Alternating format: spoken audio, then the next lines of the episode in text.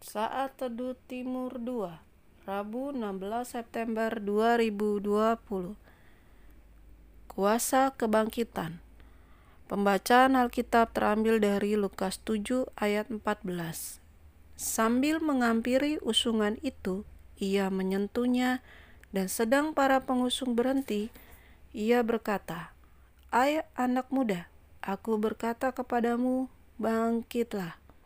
Shalom.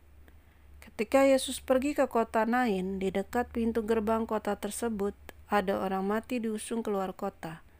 Yang meninggal adalah anak laki-laki, anak tunggal ibunya yang sudah janda. Dan banyak dari orang kota Nain yang menyertai janda itu. Ketika Yesus melihat janda itu, tergeraklah hati Yesus oleh belas kasihan.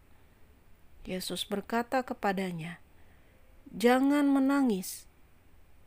Iringan tersebut berhenti ketika Yesus menyentuh usungan tersebut dan membangkitkan anak muda tersebut. Suatu peristiwa yang sangat mengharukan dan sekaligus membuat kagum orang banyak. Karena baru pertama kalinya warga kota Nain melihat orang mati dibangkitkan. Semua orang itu menjadi takut dan mereka memuliakan Allah. Kita adalah pembawa kuasa kebangkitan Yesus.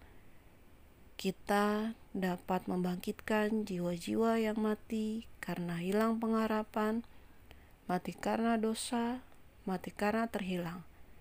Untuk membawa setiap mereka mengalami kuasa kebangkitan, mengalami kehidupan di dalam Yesus. Mari dapati belas kasihan dari Allah, bangkitkan orang-orang sekeliling kita yang memerlukan Yesus, dan membawa mereka hidup di dalamnya. Selamat menikmati hari baru. Tuhan Yesus memberkati.